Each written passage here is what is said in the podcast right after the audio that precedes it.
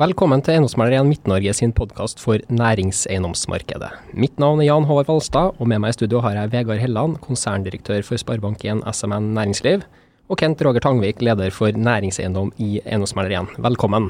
Takk for det. Takk for det. Vi er i starten av november. Norges Bank har akkurat hatt et rentemøte hvor man som forventa valgte å holde styringsrenta uendra. Mediebildet preges av fortsatt inflasjon, økte renter og overskrifter med refinansiering av eiendom. Men eh, Vegard, i Midt-Norge er jo ting litt annerledes. Nå har vi akkurat uh, fått uh, årets konjunkturbarometer utgitt. Sparebank1 har et omfattende analyse- og prognosearbeid som hver høst tar temperaturen på de ulike bransjene og næringslivet i Midt-Norge. Hva vil du si er de mest sentrale overskriftene å ta med seg derfra? Ja, Først og fremst så syns jeg at det var veldig bra at det ble gitt et pusterom i går i forhold til renteøkningene. For det er klart, eh, gjennom de siste to årene nå så har vi vært gjennom 13 renteøkninger. Og det er klart at det her påvirker økonomien til både folk og, og bedrifter. Så det å kanskje ha litt is i magen og avvente og se hvordan eh, inflasjonsutviklinga blir, det tror jeg er ganske, ganske lurt. Og så er det ikke tvil om det at uh, det som preger litt det her konjunkturbarometeret vi har ordna i i år, er jo nettopp inflasjon og, og renteøkning. Eh, og Vi ser jo det at eh, renteøkningene begynner å bite på, på, folk. Det er langt mer penger som går til å betjene boliglånet og lån for øvrig. Vi ser at uh, forbrukertilliten innenfor privatmarkedet den er ganske lav. Uh, forbrukerne har ikke bare opplevd økte renter det siste året, men uh, vi har også hatt en betydelig økning i energipriser, altså strømpriser.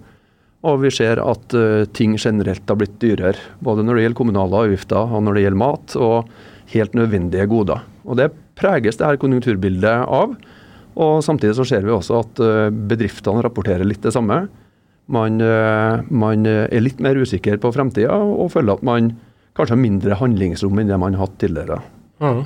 Du skal få snakke mer om barometeret videre, Vegard, men vi skal koble på eiendomsbiten her uh, først. for Det er jo det vi er ute etter her, å prøve å forstå sammenhengen mellom utviklinga i regionalt næringsliv, i de ulike bransjene, de ulike geografien, og hvordan innvirkning det har på utviklinga av næringseiendom og verdier der. Gjennom leietakersida, gjennom finansieringssida og muligheten for å utvikle nye prosjekter. Kent, du sitter jo i det markedet her uh, hver dag, og nå har vi jo vært gjennom i den perioden som Vegard snakka om, 13 rentehevinger siste året, halvannet året, og sett en tydelig todeling av uh, næringseiendomsmarkedet, hvor den finansielt drevne delen av markedet har stoppa opp, mens det operasjonelt drevet, som er tett kobla til leietakerne og virksomhetene som skjer i byggene, egentlig går som normalt. Mm. Ja, det er jo det vi uh, har sagt tidligere, og det vi ser. at det er, det er litt mer sånn profesjonalisering av det markedet igjen. De som holder på med aktivt å utvikle eiendom og, og jobber med det, med dem som er mest aktiv i markedet. Og det er jo det som egentlig er de transaksjonene som går, og det er jo stort sett egenbrukere og industrielle aktører som skal bruke eiendommene. og Vi ser at det er etterspørsel etter areal. Både kontorbedrifter og mer industribedrifter har behov for eh, nye arealer og behov for mer plass. Så interessen er til stede. Men litt, litt som en Vegard sier, det er litt sånn is i magen både på leietakersida og huseiersida på timing, tidspunkt akkurat nå. Mm.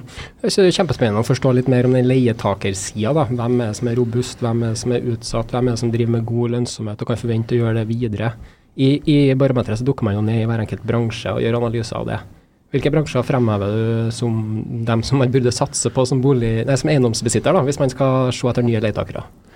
For, for, det første så tror jeg vi skal ha med oss at vi er ganske heldige her i Midt-Norge med at vi har eh, mange næringer som er representert. Så vi har et veldig bredt eh, diversifisert næringsliv.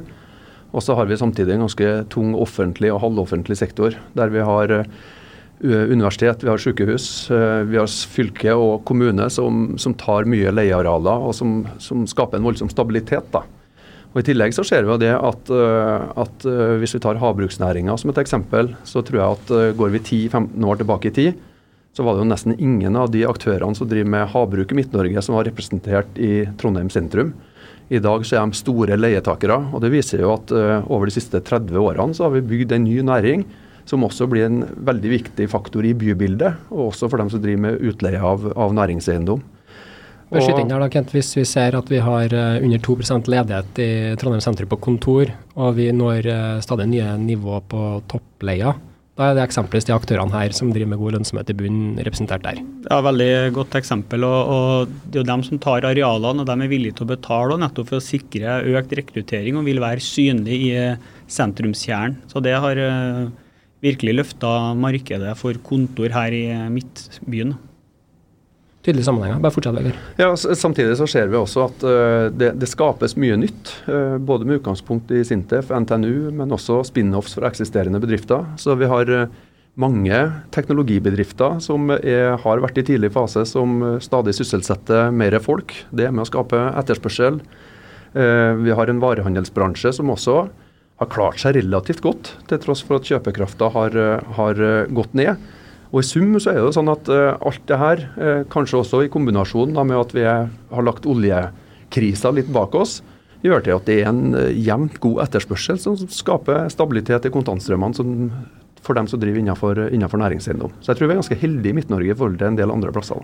Ja, Når det du sier om handel, og Vegard, det ser at sånn attraktive arealer på byplanen her i Midtbyen er jo fortsatt veldig attraktivt. Og så er det litt mer spennende kanskje sånn handelsområdene på tidligere. Og på Lade, spesielt på Lade så skjer det jo også mye med byutviklinga og rulleringa av kommuneplan. Og det er en del eiendommer som er omsatt der i år og siste årene som er rene nærings, mer industrielle eiendommer, som skal mer konverteres til type handel og bolig. Så det, det der er litt mer ustabilt, usikkert. Mens i Midtbyen så er det stor etterspørsel etter attraktive handelsarealer. Ja, hvis jeg bare tar et eksempel fra barometeren og dykker litt ned i det som er da analysen av handelssegmentet går ned på detaljomsetning av ulike bransjer, da, så ser jeg at det er kosmetikk som har den største veksten siste året i omsetning, fulgt av apotekvarer, og så kommer dagligvarer.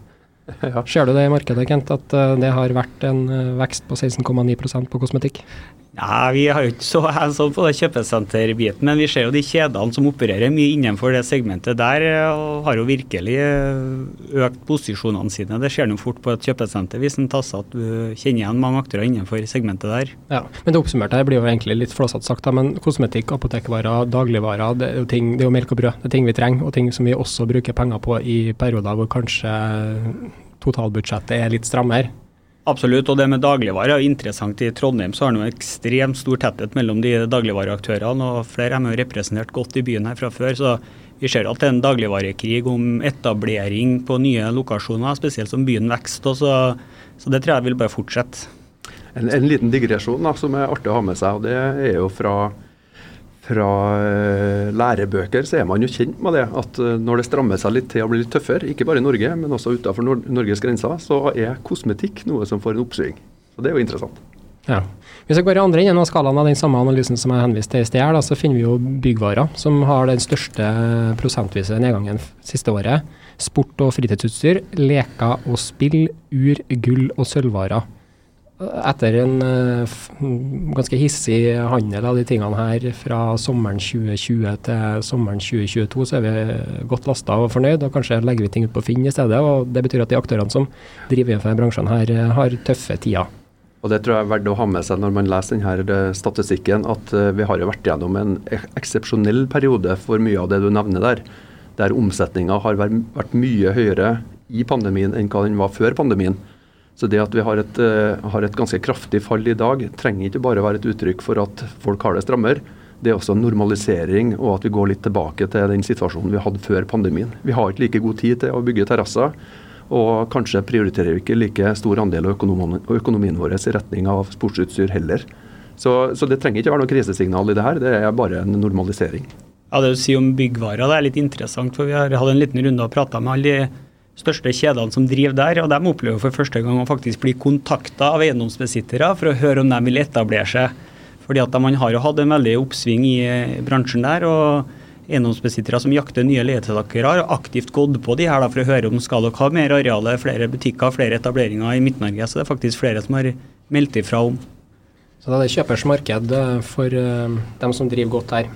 Nå, nå snakker vi om bransje, det er jo på tvers av uh, Midt-Norge, både Trøndelag og Møre og Romsdal. Hvis vi tenker geografi, da, Vegard, her uh, opererer vi jo med en åttedeling av næringslivssoner i Midt-Norge. Mm. Hva er det som skiller de ulike sonene her, og hvem er det som har mest uh, trøkk og mest muligheter fremover? Jeg tror at I et både kort og langsiktig perspektiv så er det jo klart at byene vokser på bekostning av distriktene. Og så har det også vært et ganske tydelig tegn de siste årene av at eh, dess nærmere du er saltvann og havet, dess eh, større er verdiskapinga, og dess større er også etterspørselen etter, etter, folk, og dess bedre driver man forretningene. Så det vi har sett over en ganske lang periode, er at eh, indre deler av, av Trøndelag er mer utsatt, har mindre vekst, har dårligere resultater i bedriftene. Og så er det gjerne på bekostning av det som skjer på, på kysten, hvor situasjonen har vært motsatt, i hvert fall de siste fem til ti årene. Ja, og Den sammenhengen der er jo ganske fundamental, men den er veldig effektiv. Du må ha bedrifter som skaper arbeidsplasser, mm. som er attraktive og som gir eh, lønnsposer utbetalt hver måned for ja. å tiltrekke deg folk.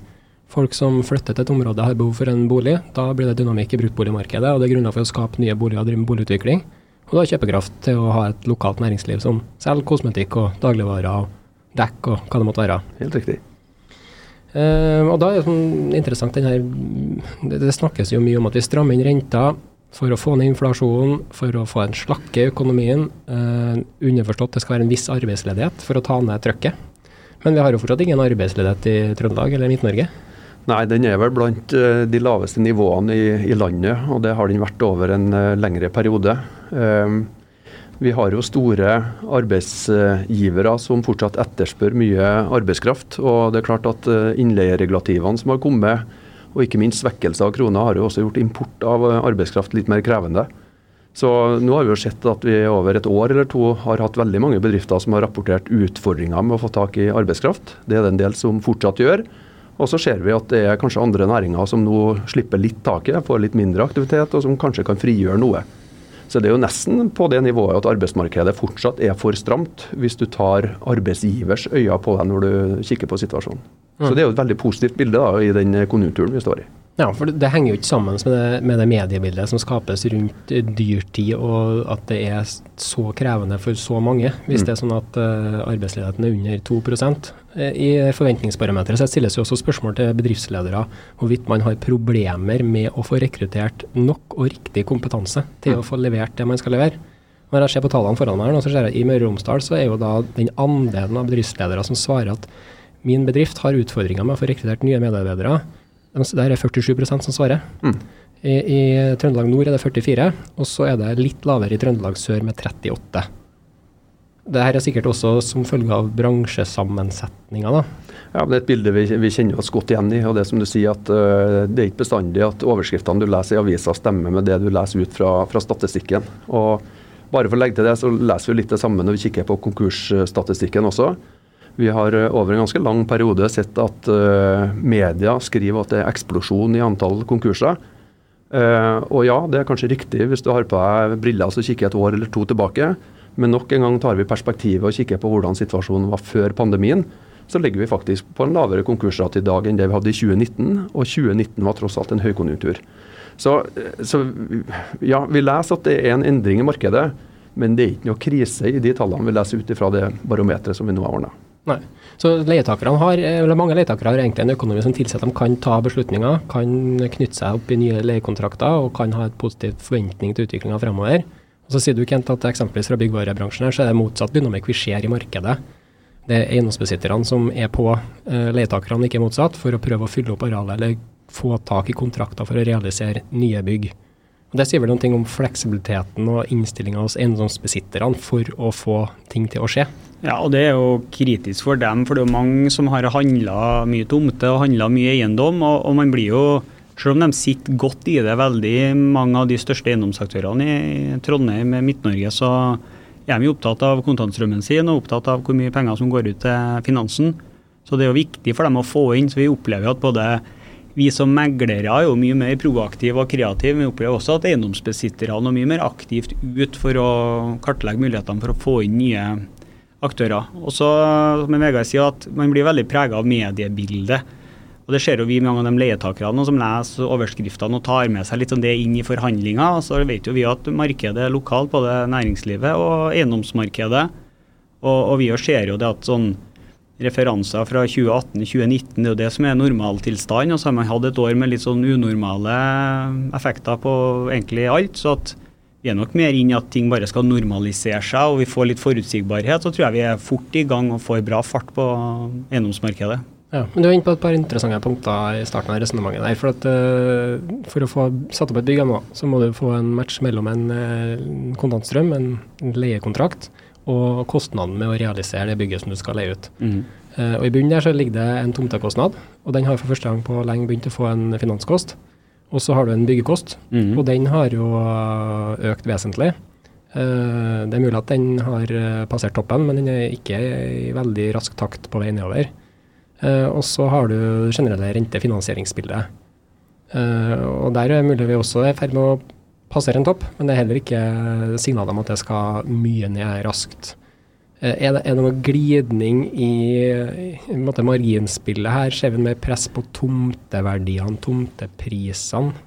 Ja, nå har jo tomteprisene steget egentlig veldig i Trondheim, spesielt på lager logistikk. Det er jo ikke omsatt noe mye kontortomte sånn i nyere tid, så hvis en bruker lager logistikk som referanse så har jo de steget fram til nå, men de har jo vært gratis å ha i tomtebanken og ikke har kosta noen penger å låne til dem.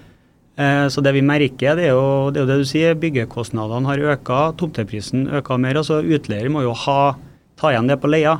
Og Da har vi jo en del leietakere som ikke helt har tatt inn over seg spesielt den leieprisen på sånn kombiarealer, lager, produksjon, noe kontor som har ligget ganske lavt. og Mange av dem kommer jo fra de områdene vi har snakka om tidligere, og som skal utvikles. Nyhavna, Sluppen. Så de må liksom opp et ganske bra hakk for å få seg nye arealer. og Det er den beslutninga jeg føler tar litt lengre tid enn vi meglere og eiendomsbesitteren håper på. Selv om eiendomsbesitteren sakte, men sikkert kommer dem i møte og firer litt på sitt eget avkastningskrav. Hvordan opplever banken eh, appetitten fra eiendomsutviklerne på å prøve å komme i posisjon til å sette i gang nye prosjekter? da? Uh, innenfor bolig så ser vi at det dukker opp en del kreative løsninger som uh, gjerne kommer når det blir litt, litt, tøffere marked. Vi ser at det har kommet her type fulltegningsgarantier. Vi ser co-owner-løsninger dukke opp. Mer og mer konverteres over til borettslag. Så vi ser jo at man, man gjør dreininger for for å, få i gang prosjektene. Og vi ser jo fortsatt det også, at det er mange prosjekter så er det fortsatt ganske bra aktivitet. Så um, det, blir, det blir spennende å følge med framover. Og som bank i hvert fall så prøver vi å være ganske opptatt av å få satt i, satt i, gang ting. Altså Vi er ikke kjent med at ting stopper opp, så vi prøver å være med å finne og akseptere de her nye løsningene nettopp for at vi klarer å holde hjulene godt i gang da, for hele verdikjeden. Mm. Og Der har du mekanikken på bolig med forhåndssalg og åpning av byggelån osv. Enn på, på annen type næringseiendom, da, da er det kontantstrømmen dere ser mest på? Ja, utelukkende kontantstrømmen og kvaliteten på, på leietakerne. Det er jo et litt interessant spørsmål. Man opplever jo eh, at banken nå blir mer vurdere mer, tenke mer risiko når det er litt tråde tider? Er det, er det faktisk nok diskutere mer? og Spesielt den leietakerbiten. Der opplever vi jo at, eh, at banken reiter leietakerne. Man priser inn ledighet, man priser inn eh, risikoen. Har det alltid vært sånn, eller blir det mer fokus på det når det er litt uh, tøffere tider? Nei, det har, har, vært sånn de siste årene. Og det handler om måten bank er regulert på, hvilke modeller vi får godkjent fra, fra Finanstilsynet. Så vi har jo bestandig vært opptatt av kontantstrøm mer enn en verdi. Og jeg tenker at eh, Spesielt i dag så er jo det viktig også, fordi at vi er jo et marked hvor det er litt vanskelig å se hva verdien faktisk er. Nå har vi kanskje ikke så mange eksempler fra, fra Trondheim, men eh, vi har jo nå sett eksempler i Oslo-markedet hvor eiendom omsettes på Gila som er på et mye høyere nivå enn eh, det det var for et år eller to tilbake. Og så er vi usikre på om er det her en ny normal, er det en refleksjon at det her er et krisesalg. Eller er vi på ei reise der vi skal til de nivåene som vi nå ser? Så det, så det, er usikkerhet rundt verdiene, og da er det for banken i hvert fall godt å ha kontantstrømmer å klamre seg fast i.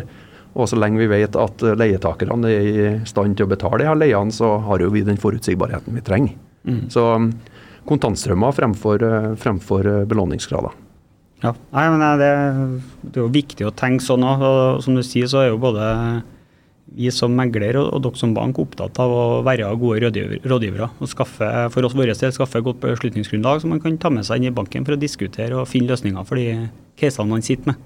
Jeg tror vi tar med oss de punktene der og går inn for landing. Vi konstaterer at eiendom igjen har blitt et fag man må jobbe med, ha lang horisont på. Der er også banken, som er 200 år i år, eh, fortsatt med i mange, mange år eh, fremover.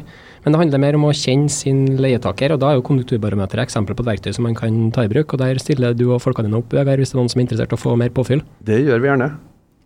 Og Da handler det om å utvikle bygg og eiendommer som treffer markedet. Uh, Kent og teamet er på landeveien og operativt tilgjengelig for dem som ønsker å diskutere muligheter som kan dukke opp på din vei. Takk for nå, og ha en fortsatt verdifull dag. Takk for oss.